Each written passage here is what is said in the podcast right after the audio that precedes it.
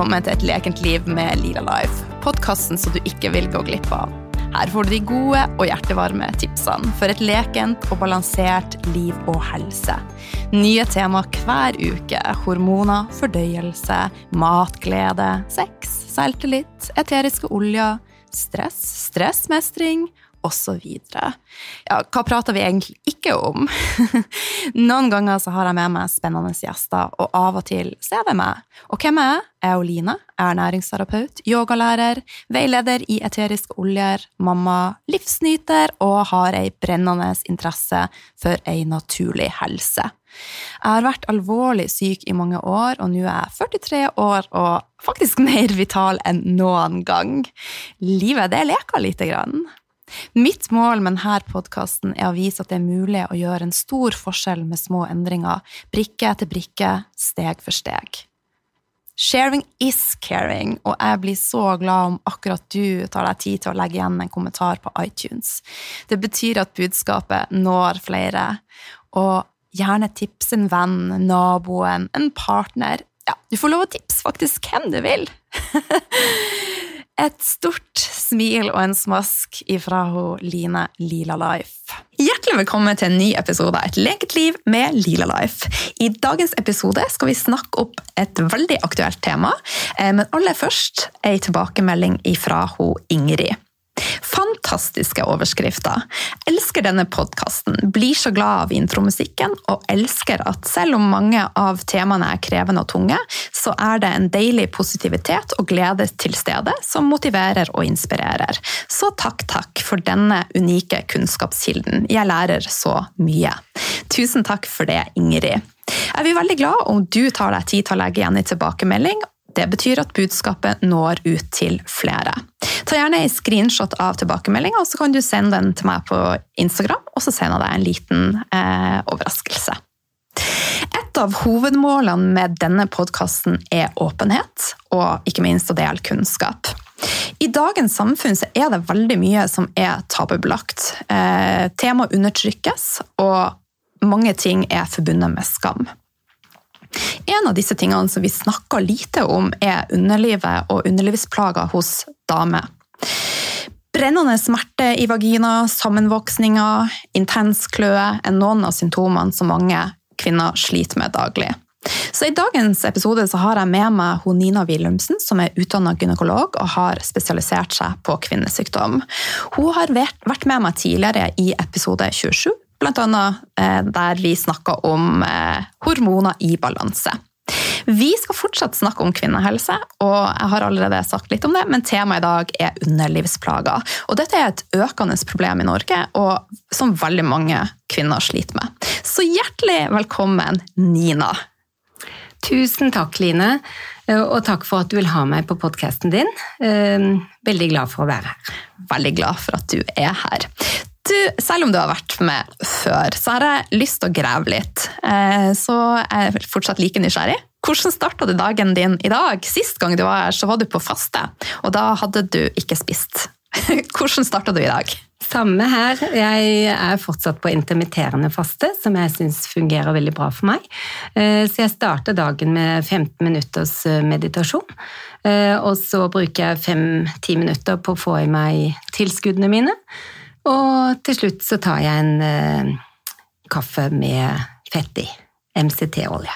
Ja, Og så er det da første måltid til lunsj? Første måltid sånn tolv-halv ett. Og noen ganger så har jeg bare ett måltid om dagen, noen ganger to. Ja, Spennende. Mm. Jeg har prøvd meg på faste, men jeg er ikke helt kommet i mål med det. altså. Jeg er så glad i å spise. Det neste jeg har tenkt å prøve, er vannfaste, som eh, bl.a. min eh, podkast i USA, som jeg hører mye på, Peter Atia, eh, han er veldig for det. Ja. Hmm. kanskje jeg òg må prøve det. det er nok mange helse, ikke bare nok. Det er nå mye studier på at dette er veldig bra for oss, og at vi kanskje skal spise litt sjeldnere og mindre, i motsetning til det som ble sagt tidligere. Ja. Spennende. Men du, eh, det kommer stadig nye lyttere til. Eh, kan du fortelle oss litt mer om din bakgrunn til de som er kommet til? Det kan jeg. Jeg er da spesialist i gynekologi og har jobbet som det siden 85. Ehm, jeg har doktorgrad i klinisk biokjemi fra Bergen, og jeg er funksjonellmedisinsk lege. Så jeg jobber veldig bredt, helhetlig, og leser mye, reiser på kongresser og i inn- og utland. Men du, nå har du eh, akkurat vært med og starta en ny klinikk i Drammen. Eh, en klinikk for underlivssmerter. Eh, kan du fortelle litt om hvorfor dere valgte å åpne denne klinikken? Ja, det har seg sånn at jeg startet for eh, to år siden eh, Norges største private kvinneklinikk sammen med mannen min, som heter Nimo-klinikken. Og så har vi nå tre gynekologer, sexolog, ernæringsterapeut, fysioterapeut for underlivssmerter, og ser stadig flere av disse pasientene. Eh, I Norge så har det inntil nylig bare vært to eh, vulvaklinikker i Norge, en ved Oslo universitetssykehus og en i Trondheim. Nå er det startet en poliklinikk for vulvalidelser også i Kristiansand, og vi trenger mange, mange flere. Og Problemet er at disse kvinnene eh, ikke har fått veldig god hjelp, og det er lange, lange køer. Det sto nylig, en, en kronikk, var det vel, eller en artikkel i Aftenposten om at det egentlig ikke er noen reelle køer lenger, fordi at det er så lite tilbud. Mm. Så dette er det stor satsing på nå, og vi har ikke noe offentlig tilskudd, men vi har mye kompetanse, og vi ønsker å være et supplement til det offentlige, sånn at man kanskje kan være hos oss i tiden til man får tid på en, en eller time på en vulvaklinikk i det offentlige, og at eh, det blir kjent at vi har mye kompetanse. Mm, Det her stemmer jo veldig overens med Aftenposten. De skriver at eh, din vulva rykker stadig bak i køen. Og eh, det står også at de fleste vulvapasienter har, har ikke tilbud. Men, så det er kjempebra at det kommer flere alternativer da. For dette er et tema som eh, kan være vanskelig for mange å snakke om, og eh, vi har tidvis et ganske anstrengt forhold. Jeg kan ikke prate for alle, men jeg ser det sånn generelt at mange har et anstrengt forhold til det med kjønnsorganer. Så Sjøl satt jeg nå og så på et litt omdiskutert, program som heter Goop Lab. Da. Og der hadde de et eget eh, avsnitt om underlivet. Og jeg ble litt overraska, for jeg har alltid tenkt at vagina var vår nedre del. Så kan ikke du gi oss en liten guiding, sånn at vi får det på plass? Hva er vagina, vulva, underliv? Altså, Forklar oss forskjellen. Ja, For det første så har vi valgt å kalle vår vulvaklinikk for klinikk for underlivssmerter, nettopp fordi at mange ikke vet hva vulva er. Vulva er et latinsk navn for de ytre kjønnsorganene med klitoris, de små og store kjønnsleppene, huden, muskulaturen og nervene i underlivet, mens eh, vagina er, gjelder skjeden. Ja. Hele skjeden er eh, vagina. Eh, var det det du spurte om? Ja, ja, veldig fint forklart. men det er jo, altså vulva jeg har jeg aldri hørt det ordet, men eh, ja, sånn at vi kaller jo alt for én ting. Så det var, og en annen ting som, eh, som jeg synes var spennende i det programmet, nå skal ikke prate så mye om det, var for at et det er jo blitt mer og mer vanlig også med å operere eh, underlivet for at man tenker at man skal ha en standard, men da viste de bilder av ti forskjellige underliv, og vi ser jo totalt forskjellige ut, så det finnes jo ikke en fasit på hvordan vi skal se ut nedentil heller. Overhodet ikke. Nei. Eh, Men det er klart at det er noen få som opplever at de er født med for store kjønnslepper eller har en liten og en stor osv. Så, videre. så da kan det jo være indikasjon i sjeldne tilfeller for å gjøre operative inngrep, men det er eh, først og fremst etter fødsler at man kan få eh, ødelagte organer nedentil, sånn at man ønsker å gjøre noe med det. Eh, Og særlig i dag hvor man ikke er monogam hele livet, har kanskje flere forhold, og mange av mine pasienter kvier seg for å finne en ny mann hvis de føler seg ødelagt nedentil. Og det er omdiskutert, og det er forståelig, men eh, vi mener at de der det er indikasjon å gjøre noe, kan gjøre det. Ja. Men du, kan du fortelle litt om hvordan dere jobber på klinikken, og hvilken tilnærming dere har? Ja, for det første så er det veldig eh, stor pasientgruppe. Eh, vulvalidelser kan ramme eh, 15% av den kvinnelige befolkningen gjennom livet.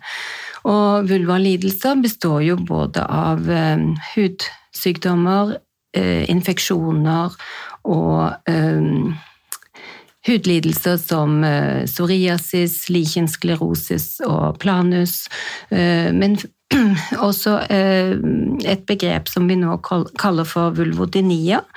Og før kalte man det vestibulitt.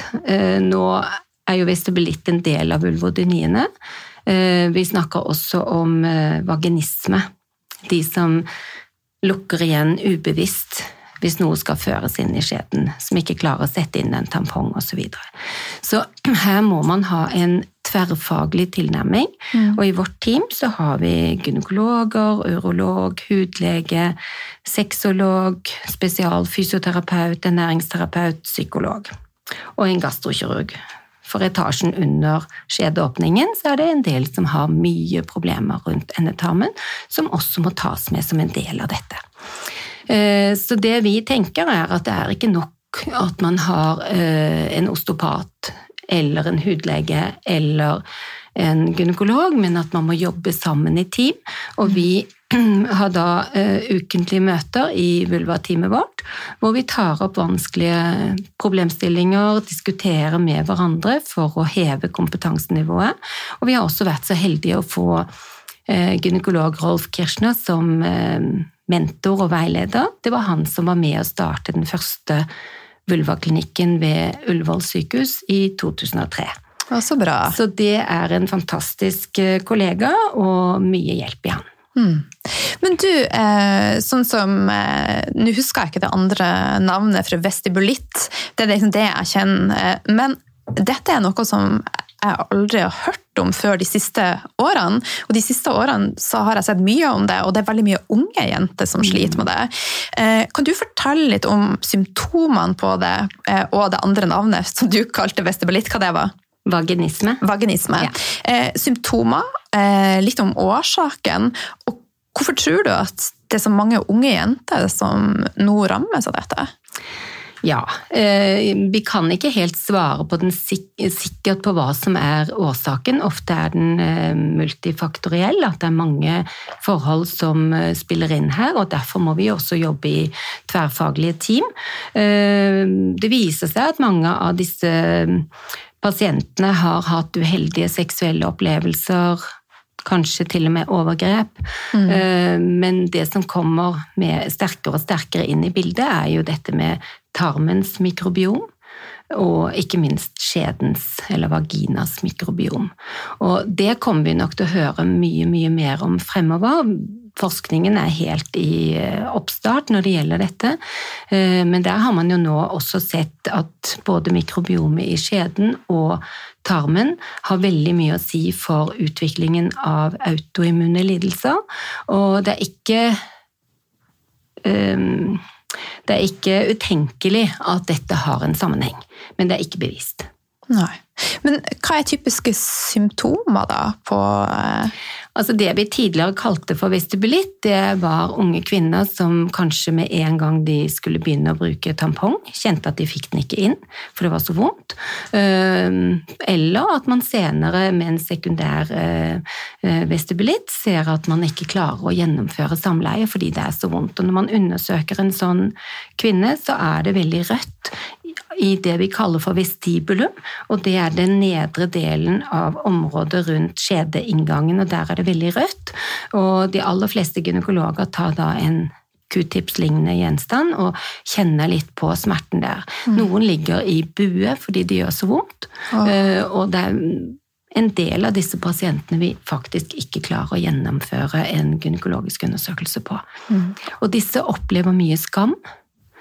De føler det at det er noe galt med de, og mange har vært hos mange behandlere og ikke fått hjelp. Så det er det grunnen til at vi har startet uh, klinikk for uh, underlivssmerter ved Nimo-klinikken, for å være et åpent sted man kan komme og få råd og veiledning og behandling for dette. Så flott. Mm. Eh, er det også en del eh, jenter og damer da, som går rundt med smerter konstant? Kan dette, eller er det noe som kommer da i forbindelse med at man f.eks. skal ha samleie eller føre inn en tampong? Eller kan det være en smerte som er Det varierer jo litt. Det, det, er klart at dette med seksualitet er vanskelig for denne gruppen, og vi snakket ikke så mye om vaginisme. Det er jo mer at du ubevisst strammer i underlivet og får mm. veldig stram bekkenbunnsmuskulatur. Og det er ikke så rart å tenke seg at kvinner i dag i ung alder er veldig stresset, har strenge krav til seg selv, hvordan de skal se ut, hva de skal oppnå. Perfeksjonismen råder, og de er flinke flink pike-syndrom. Eh, så derfor må vi på en måte eh, også ha en bekkenfysioterapeut som kan hjelpe disse. Og vår eh, bekkenfysioterapeut er fantastisk dyktig til å Hun palperer da inn i vagina og løser opp disse stramme bekkenbunnsmuskulaturen mm. som hindrer de i å ha samleie, og de har mye vondt også utenom seksuell aktivitet. Så dette er et stort problem. Så alt er sammensatt her også. Stress, hva vi spiser og livsstil. Ja, absolutt. Og en ting eh, jeg vil nevne i tillegg, er jo at vi har eh, økende forekomst av eh, tarmlidelser. At de blir oppblåst i magen, gjerne har diaré, ikke klarer å holde på luft, for de har mye luft i magen pga. dårlig kosthold og stress og alt, antibiotika, alt dette her.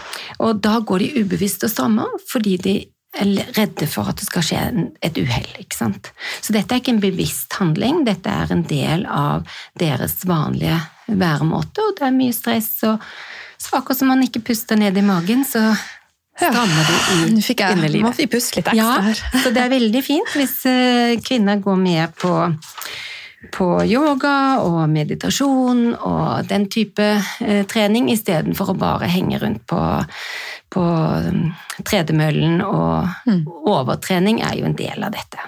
Vet du hva, um, jeg er jo yogalærer, men likevel så har jeg vært elendig på pust.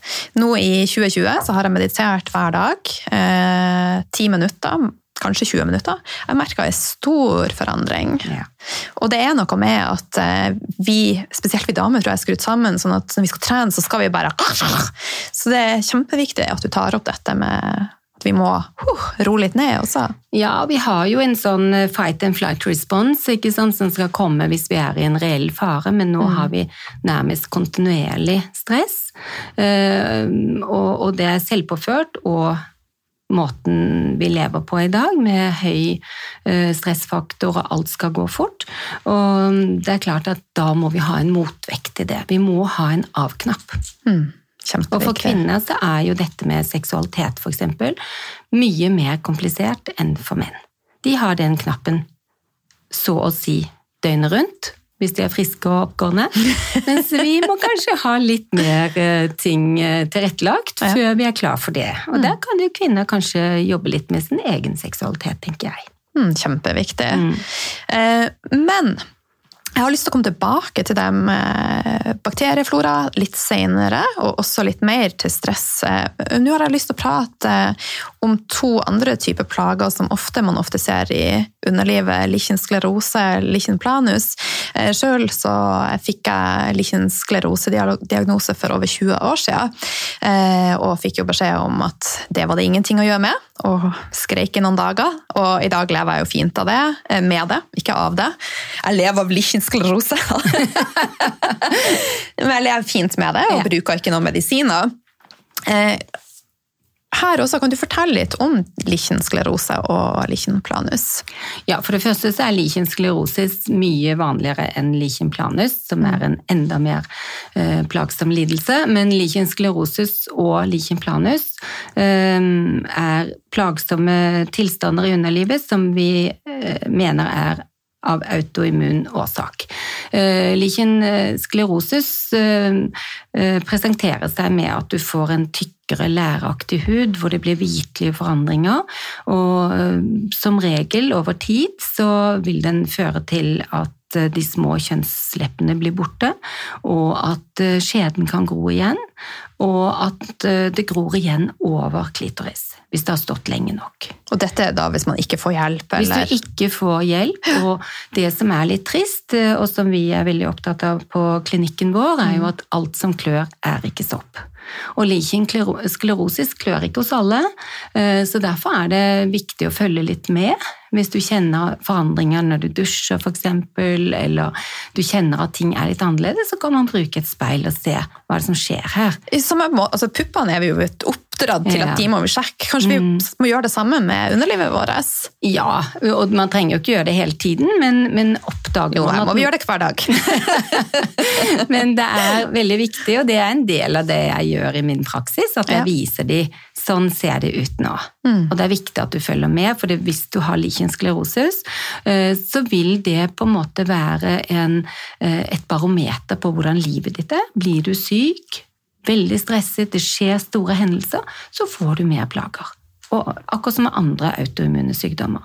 Men vi har jo behandling, og i dag er standardbehandling for uh, lichen sklerosus eh, å bruke mm, sterke kortisonkremer etter et visst skjema i tre måneder, eh, og så etter hvert eh, etter behov. Men det aller, aller viktigste, som jeg bruker masse tid på å lære mine pasienter, det er hygiene. Og i dag sliter vi med at de dusjer jo to-tre ganger om dagen, går med truseinnlegg og bruker sterke såper og masse vann og spyler, og det tåler ikke underlivet. Så jeg har et eget skjema fra Dr. Wilhelmsens kvinneklinikk, hvor det står helt nøyaktig nedover hva som trigger dette, og hva som ikke gjør det. Og det gjelder jo selv om du ikke har lichen så er det viktig med egne produkter for underlivet, og helst oljevask. Og ikke så mye verken kloret eller resirkulert dopapir. Jeg sitter og smiler litt her, så det er sikkert derfor jeg er så, så bra, for at jeg bruker jo ikke såpe. Nei, så jeg føler meg jo litt sånn skjetten. Nei, og det, det er jo det første alle sier, men det skal man ikke gjøre. Men eh, det er klart man kan kjøpe intimsåper, men det er ikke alltid det går heller, at man blir sår. Og klor i eh, det hvite Bambi eh, er også irriterende hvis du har allerede en ubalanse i underlivet. Så dette er superviktig. Og reklamene med Libress med og uten vinger og så videre. Folk følte jo at de måtte gå med, med truseinnlegg for å være rene. Det er virkelig en misforståelse, og på, markedspåført. Så det prøver jeg å vende de av, og bruke bomullstruser og ikke sting, stringtruser. Kjempelurt. Men det kan du bruke hvis du har et sunt underliv, men hvis du har problemer, så må du endre dette. Men i forhold til eh, toalettpapir, dette er jo et spørsmål litt sånn off record. Eh, Har du noe Jeg fant et merke, men det er Katrine, tror jeg det heter. Men vet, dere, vet du noe merke som er mer naturlig? På Toalettpapir? Nei, Nei? det er ikke kommet, så hvis noen hører på denne podkasten og Ja. driver innen toalettpapir, så er det på høy tid. Ja. Så det jeg anbefaler, er eh, bomullpads, som vi bruker til å ta sminken med, med babyolje eller jordnøttolje. Eller eh, sånne eh, våtservietter som ikke inneholder parfyme og tilsetningsstoffer. Så lurt. At du alltid har det i vesken og bruker bomull med olje hjemme. Ja. Men kun i perioder hvor du ikke har det bra, og har, har sår, sprekker, sånne ting. Og så bruker vi ø, også å anbefale at man bruker en fet salve i underlivet hvis du føler deg tørr, sykler mye, drar på spinning, trener mye. Mye trening det også, kan også være en årsak til mer soppinfeksjoner og irritasjon i underlivet. Jeg syns kokosfett funka kjempe, kjempebra. Kokosfett, jordnøttolje, altså helt naturlig, ikke sant? koster ikke så mye. Og det er viktig å ta vare på underlivet sitt, og det er en ny eh, informasjon for veldig, veldig mange. Mm. Men det med tamponger også. Eh, vanlige tamponger er jo òg eh, ikke så veldig naturlig og kanskje ikke så bra for underlivet. Har du noen tips der til hva man kan gjøre istedenfor tamponger? Ja, flere og flere går jo over til menskopp, som eh, er øk, altså det er økning i bruk av menskopp, og mange er fornøyd med det. Det fins jo en tampong som heter Ellen, som inneholder laktobasiller, som man kan bruke hvis man har lett for å få utflod og skjedekatarr osv. Men den koster litt. Mer enn de andre. Men hva er viktigere enn helsa vår? Jeg tenker at mm. Det er litt sånn tankesett her. for at selv Sjøl har jeg tidligere fint kunnet kjøpe meg en kjole, men å kjøpe meg liksom, tamponger som koster litt mer, satt litt lenger inne. yeah. Men det har jeg snudd på. Ja, og det er nok viktig at du påpeker det, men, men eh, vi har ikke noen andre eh, naturlige tamponger. Det har vi ikke. Nei.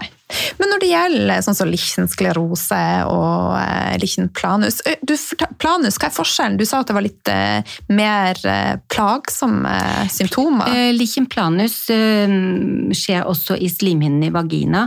Lichensklerosus går aldri inn i overgangen, altså videre inn i slimhinnen. Den sitter forskjell. utvendig. Mens lichen planus sitter inne i skjeden. Eh, man kan få sår, man kan også få det i munnen. Det gjelder også lichen eh, sklerosus, så det er mange tannleger som oppdager dette først og sender pasientene til gynekolog. Eh, men når det gjelder lichen planus, så er det en enda mer plagsom lidelse fordi at du får mye vondt, og du får veldig mye utflod. Det renner, liksom. Eh, og det, der er det nesten umulig før du får behandling og klarer å samleie. Ok. Mm. Men i forhold til eh, årsak, eh, har du noen tanker her, da? Det er jo autoimmunt. Ja, altså jeg heller jo absolutt mot autoimmunitet og, og lekktarm, selvfølgelig, som etter hvert er blitt et anerkjent begrep innen skolemedisinen også. Og der ser vi jo at vi har en voldsom økning i den vestlige verden i, i autoimmune lidelser, og da ingen grunn til å tro at lichen, eh, verken sklerosus eller planus, ikke har sammenheng med det. Mm. Hvis du skal gi noen enkle tips da, til å prøve å snu eh, på en naturlig måte ved hjelp av livsstil, hva du vil eh, dra frem da? Ja, det aller viktigste er jo hva du spiser, og, og fikse eh, barrieren mellom tarm og resten av kroppen eh, ved å spise annerledes, mindre stress, unngå antibiotika og ta de tilskuddene som er nødvendige i en periode for å lime sammen eh, tight junctions, heter det. Det er noen små åpninger i, i tarmen som blir større, og det kommer proteiner og andre stoffer over barrieren, over slimhinnen i tarmen, ut i blodbanen og aktiviserer eh, immunforsvaret. Mm. Det er mekanismen, og det er absolutt eh, grunn til å tro at det er årsaken. Men vi vet ikke ennå. Jeg kan ikke sitte her og si at det er 100% sikkert. Nei, men dere antar det, og det som er fint, da, er jo at det gir gode utsikter for at det er mulig å gjøre noe sjøl. Og er jo et eksempel på at det er mulig. For at etter jeg fikk min diagnose da, som 23-åring, så altså jeg har hatt kun små sår og stort sett ikke brukt eh, kortison. Så det er fantastisk, ja. syns jeg. da. Og det, når jeg har sett bildene og hørt på hvordan det kunne ha vært, så vet jeg at jeg har det veldig fint. Mm. Og da har jeg bare lyst til å legge til at uh, i og med at vi skulle starte denne klinikken, så reiste jeg til Sverige i fjor på et uh, anerkjent kurs der, og de har kommet mye lenger enn oss. De har over 20 vulvaklinikker i Sverige, har fokus på dette. Mm. Og Nina Bomsterke, som er professor i uh, gynekologi, hun har forsket mye og holdt dette kurset, og jeg lærte enormt mye. Og nå reiser de to andre gynekologene ved vår klinikk dit for å oppdatere seg. Og hun ene er fra Tyskland, eh, hvor hun har gått på seksualmedisinske kurser i mange år. Så vi har bred og god kompetanse og ønsker å hjelpe kvinner med dette. Mm. Fantastisk! Juhu! Du, eh, vi har vært litt inne på det med bakteriefloraen vår. Og du kaller det mikrobiom, og eh, jeg husker ikke navnet, Steve Gundry kaller det holy biome. For han, altså vi er jo bakterier overalt. Mm. Men hva kan vi gjøre for å ivareta bakteriefloraen vår i kroppen og i underlivet på best mulig måte? Hva er dine beste tips?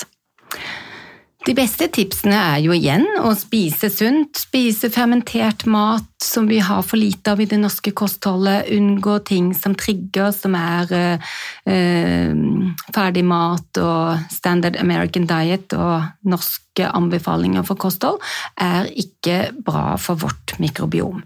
Vi må kutte ned på melkeprodukter og korn og spise mer grønnsaker, få i oss mer allsidig mat. Det er ikke nok å spise tomater og agurk og isbergsalat. Du må gå mye bredere, og i funksjonell medisin så snakker vi om å spise en hel regnbue hver dag for å få i oss nok. Og det er jo et av de store problemene i dag, at det er ferdigmat på hvert hjørne. Eh, alle møter så kommer det pizza, pasta, eh, overtidsmat er det samme. Veldig mye sushi, som mange tror er sunt. Det er altfor mye ris og altfor mye eh, rå fisk, som det kan være eh, en fare å spise. I forhold til parasitter, da? Eller? Toksiner. Toksiner. Ja, selvfølgelig. Eh, ja. Mm. Jeg fikk akkurat målt mine kvikksølvnivåer, og de var ganske høye. Og det relaterer jeg jo til eh, fisk. Ja. Eh, og det skal vi ikke gå i dybden på her, da, men det er jo utrolig trist å tenke på at den maten som skal være bra for oss, ikke er det for at vi har forurensa og rett og slett pip det til. Ja. Så eh, Men tilbake til mikrobiomet, så er jo ikke toksinene er jo også en del av det, men, men det er utrolig viktig også å få stress, langvarig stress, kan også gi en lektarm som fører til autoimmunitet. Eh, Det samme gjelder lite søvn, lite trening. Så dette er en helhet hvor vi må tenke på eh, ikke overdrive, men gjøre litt av alt og prøve å leve og ta de riktige valgene eh, 90% av tiden. ja. Noen mener 95% Men så rett og slett stress påvirker også bakteriefloraen. Ja. Og meditasjon har vi nevnt, det er en fin måte å stresse ned på. Mm. Sjøl så syns jeg at eh, det kan være litt vanskelig å meditere.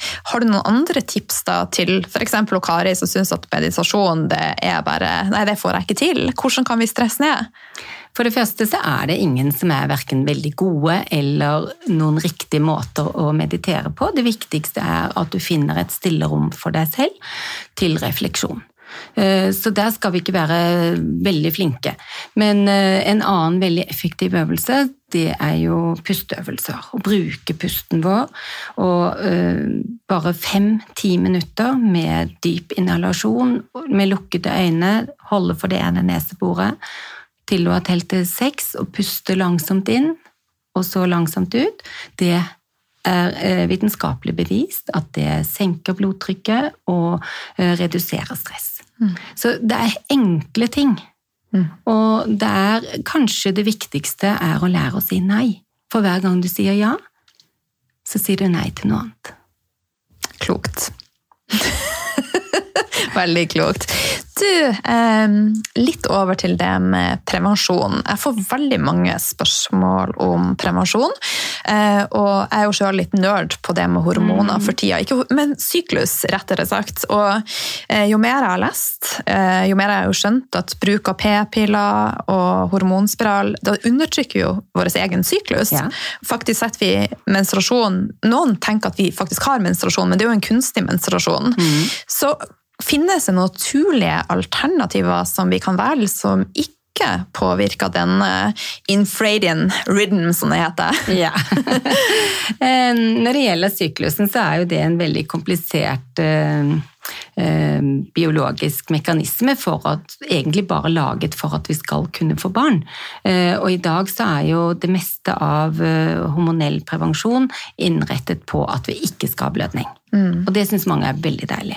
Men det betyr at du i lang tid enten må gå på p-piller, p-stav, p-plaster eller eh, hormonspiral. Kobberspiral bruker vi veldig lite pga. kobberet, og fordi at mange får kraftigere blødninger. Så det er i spesielle tilfeller.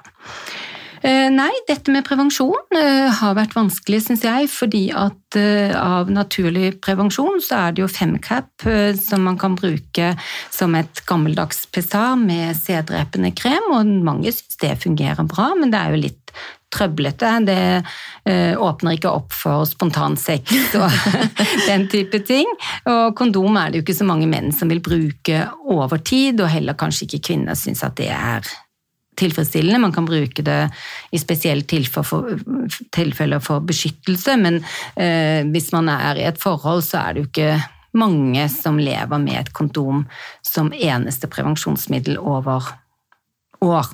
Nei. Eh, Så da er det jo disse mm, Biokomp og Ladykomp og Det er sånn temperaturmålere. temperaturmålere. Ja. Eh, Min motstand mot det er for det første at de er ganske dyre, og de viser ofte oransje og rødt. Ok. Sånn at det blir lite sex. Ja. Ja. Men de er 99,3 sikre, eh, og de kan jo også brukes til det motsatte. Hvis du sliter med å bli gravid, så kan du bruke det for å mappe syklusen din. Men eh, jeg synes det er like, lite fokus på at menn faktisk kan eh, sterilisere seg. Sånn som jeg har forstått, så er jo det en reversibel eh, Så i hvert fall når man er ferdig med å få barn, mm. så syns jeg jo at vi kan pakke det over på menn. Hva tenker du? Ja, jeg pleier ikke å si det akkurat sånn. Var jeg slem nå? men vi har jo urologer på vår klinikk som gjør sterilisering, og ja. det er ganske fascinerende, syns jeg, for de kommer jo opp kanskje med, med barn i barnevogn i pappapermen og gjør det i løpet av et kvarter, 20 minutter. Så det er jo en veldig enkel ting å gjøre for en mann. Ja. Problemet er at mange menn uh, syns dette er vanskelig. De tenker at det kan gå utover andre ting. De er redd ja. for, uh, for underlivet sitt, og at de ikke skal klare å prestere, at det skal bli andre ting, smerter osv. Så, videre. så det er nok, og det viser også forskning, at det er ikke så lurt å presse en mann til å gjøre det. Men det som, det som viser seg, er at hvis én eller flere i en omgangskrets gjør det, så er det lettere for de andre. Da blir dørstokken litt lavere. Hmm. Så jeg håper jo på det. Men i et forhold så må jo, hvis man ikke ønsker flere barn, da, så må jo én beskytte seg. Jeg syns personlig at det er urettferdig at det skal være kvinnene eh, sitt hovedansvar, men det er jo mitt ja. Jeg er helt enig, og jeg jobber jo med kvinner og sier det samme til kvinnene, at nå er det kanskje hans tur. Ja. Nå har du fått tre barn og ammet de og født de og gått gravid og alt det der. Nå er det kanskje hans tur. Mm. Ikke sant? Men vi, jeg tror ikke det er så lurt i et forhold da, at han blir presset Nei. til det. Ikke sant? Så det må være en forståelse, kunnskap osv. Kanskje vi skal snakke litt mer om det mm. sånn i samfunnet ellers, at det er en grei ting å gjøre. Ja. Nei, jeg tenker at i samfunnet så det ingen, eller generelt så det er ingenting som funker hvis man blir tvungen til det. Da eh, kan det jo ødelegge alt. Mm. Ja. Men i det siste så har jeg lest mye om det med syklus, da. Og det som har gått opp for meg, er jo at jeg har levd etter en eh, maskulin syklus, og det som jeg ser, er jo at det meste i samfunnet er lagt opp etter en maskulin syklus. Som, altså Menn har en syklus som går over 24 timer, mens vi damer har en veldig mye mer svingende syklus som går fra 24 til 28 dager.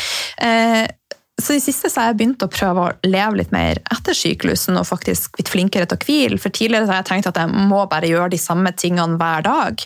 Sånn at jeg legger opp eh, arbeidsdagene mine litt mer etter det. Hva er dine tanker om dette? Og hvorfor prates det ikke om at alle dietter og trening er forska primært ut fra en menn eller mannlig syklus? Det var mange spørsmål i ett. For det første så er det forsket veldig mye mer på, på menn enn på kvinner når det gjelder hjertesykdom og hormoner og andre sykdommer. Så det, det er noe sånn uh, skolemedisinen har vært, uh, og vi håper at det kan endre seg. Jeg glemte å nevne i sted på naturlig prevensjon at uh, det kom en app fra Sverige som heter Natural Cycles. Og det har du sikkert hørt, at veldig mange ble gravide på den. Så den, det ble et feilskudd. Ok, Takk for eh, informasjonen. Da hadde man en app. Jeg har faktisk ja. lastet den ned på min egen, selv om jeg er 61 år. Så. det er viktig å holde seg oppdatert. Nei, det var mer det å sjekke. Men, ja. men, da har det altså ikke gått så bra med den, da. Den ble okay. forbudt i USA. Eh, når det gjelder kvinner og syklus, så er jo vi kvinner 16 ganger mer kompliserte enn menn, i og med at vi skal unngå å bli gravide, bli gravide, ha en syklus og på et eller annet tidspunkt rundt 50-årene slutte å ha hormoner. Så dette er komplisert, og det første hormonet som blir lavere ved stress, ved en livsstil som eh, bare er om å gjøre å løpe etter klokken, så faller progesteronet. Progesteronet er et like viktig hormon som østrogen. Det blir frigitt i forbindelse med mm, eggløsning, og skal da være ganske høyt frem til eh, menstruasjon. Den syklusen blir stadig kortere for noen kvinner fordi de har for høyt stressnivå, for lavt progesteronnivå og for økende eh, PMS, premenstruell eh, tensjonssyndrom, eh, hvor man blir sur og gretten og har lyst på sukker hele tiden. Så, så, dette er veldig komplisert, og det er grunnen til at syklusen varierer i det vi kaller forlikkelfasen. Så dette er ganske viktig for, eh, for eh, Nei, sa jeg forlikkelfasen? Jeg mente lutealfasen. Altså fra eggløsning og frem til menstruasjon. Så, så progesteronet har det vært lite snakk om, og det er et utrolig viktig hormon. Og frem til i dag så har vi ikke hatt et naturlig progesteron å bruke i det, i det, norske helsevesen. Jeg har skrevet ut uh, mikronisert progesteron, som er et bioidentisk progesteron, i over ti år det er nå det kvinner i, ellers i Europa krever å få av legene sine, og det kommer til å bli sånn i Norge også. Og nå kommer det i mars uh, mulighet til å skrive resept på det uten fritak.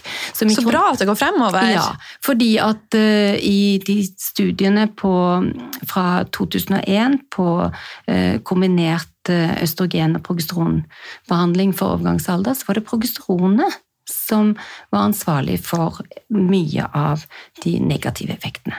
Mm. Og det var fordi det var et syntetisk progesteron, og vi trenger nå å kunne bruke mikronisert progesteron. For Produksjonen av progesteron går jo også ned naturlig med alderen, og i tillegg da hvis man stresser rundt, så blir det jo dobbelt eh, i minus på progesteron.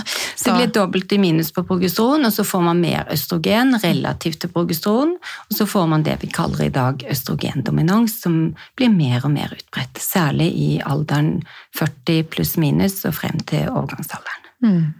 Men Hva er dine beste tips da for hormonell balanse, hvis du skal gi noen sånn enkle tips?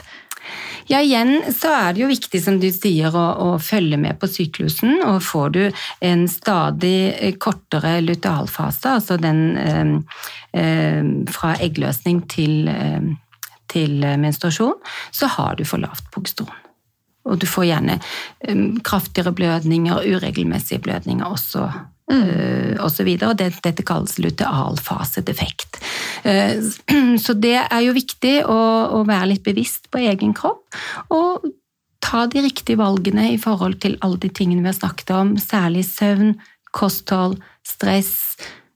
Ha en av-knapp mm. hvor du ikke er på hele døgnet, og særlig kanskje en, eh, en detox av mobil, data og TV osv. Mm.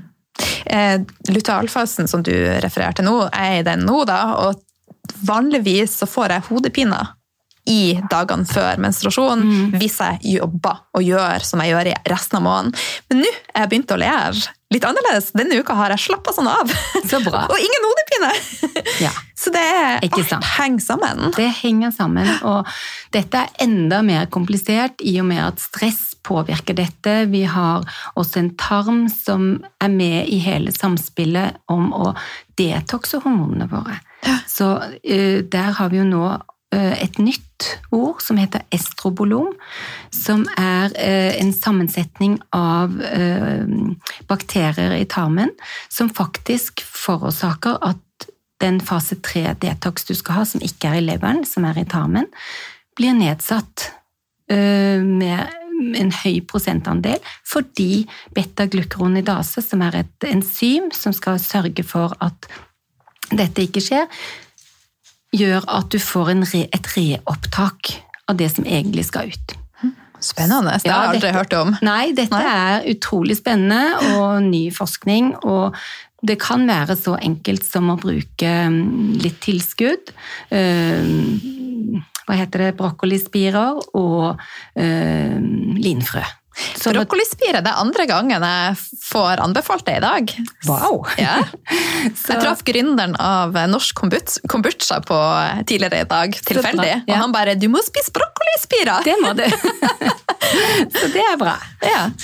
Nei, men i tillegg eh, så kommer det jo masse nye ting til. Nå fortalte du noe helt nytt for meg, eh, men i forhold til Lichen Tidligere så var det jo da eh, krem og bruk av kortison som var eh, det som fantes. Nå er det kommet andre alternativer, eh, sånn som jeg har forstått. Laserbehandling etc. Kan du fortelle litt om det? For underlivet? Ja. ja, det kan jeg gjerne fortelle om.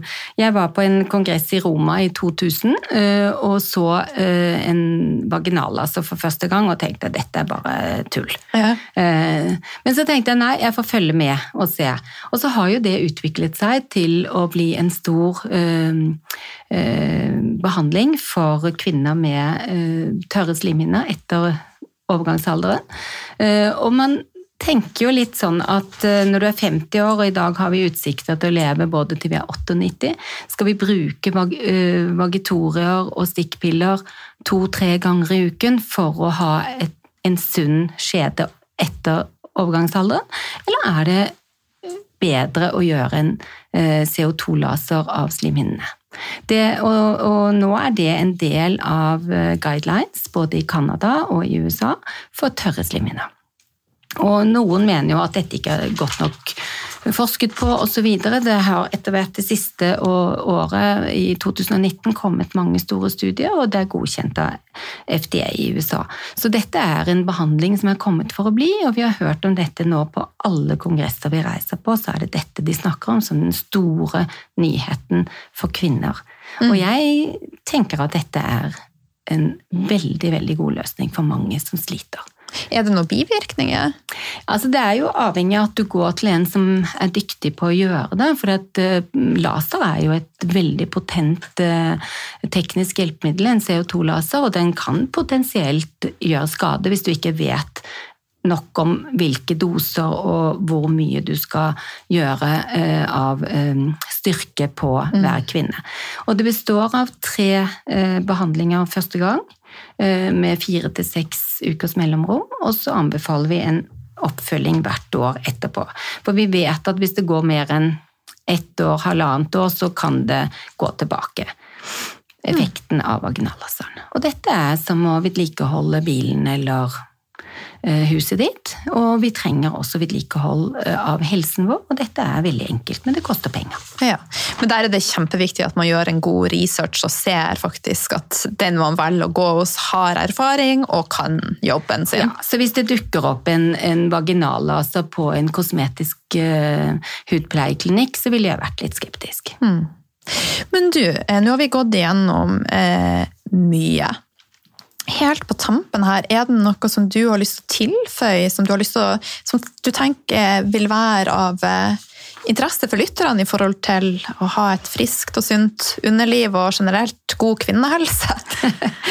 ja, jeg har sagt så mye nå om eh, de tingene man skal gjøre, men det jeg har glemt å si noe om, det er jo at det er økende forskning også på det å dyrke en eh, vennekrets, interesser, gjøre det du har lyst til, og kanskje ha en større mening med noe av det du gjør. At det ikke bare er shopping og gå ut og spise, men at du har en purpose of life, som amerikanerne sier. Altså at vi på en måte prøver å finne en mening med livet som går utover oss selv, da. Mm. Eh, så, så tenker jeg at hvis man da også tar riktige valg i forhold til stress og kosthold og søvn og trening og alt det vi hele tiden prøver å gjøre, så tror jeg det gir et bedre liv enn å ikke gjøre det. Mm. Og rett og slett kanskje senke skuldrene litt og ha det litt mer eh, gøy. ja, og det lærte jeg i funksjonell medisin. Eh, å spørre pasientene hva gjør du for å ha det gøy. Mm. Hva, hva, er det som er din passion, liksom? Og det merker vi jo at eh, det har ikke med alder å gjøre. At det kan komme inn noen på klinikken hvor du bare ser at de de, lyset er godt, mens andre på 78 år har vitaliteten intakt. Så det er viktig å prøve å få et så rikt og godt og uh, bra liv som mulig. Og på veggen min jeg, på klinikken så har jeg malt 'Be the woman you want to be'. Åh. Med det så tror jeg jeg takker deg så mye for at du tok deg tid til å komme. Veldig stor glede å ha deg med. Du er et leksikon. Å, oh, takk skal du ha. Jeg leser mye, da. Ja. Du, helt på tampen, noe bok du vil anbefale? Jeg er full av overraskelser her. Healthy Gut, Healthy You av Russio. R-u-s-c-i-o. Fantastisk bok. Tusen takk, Nina.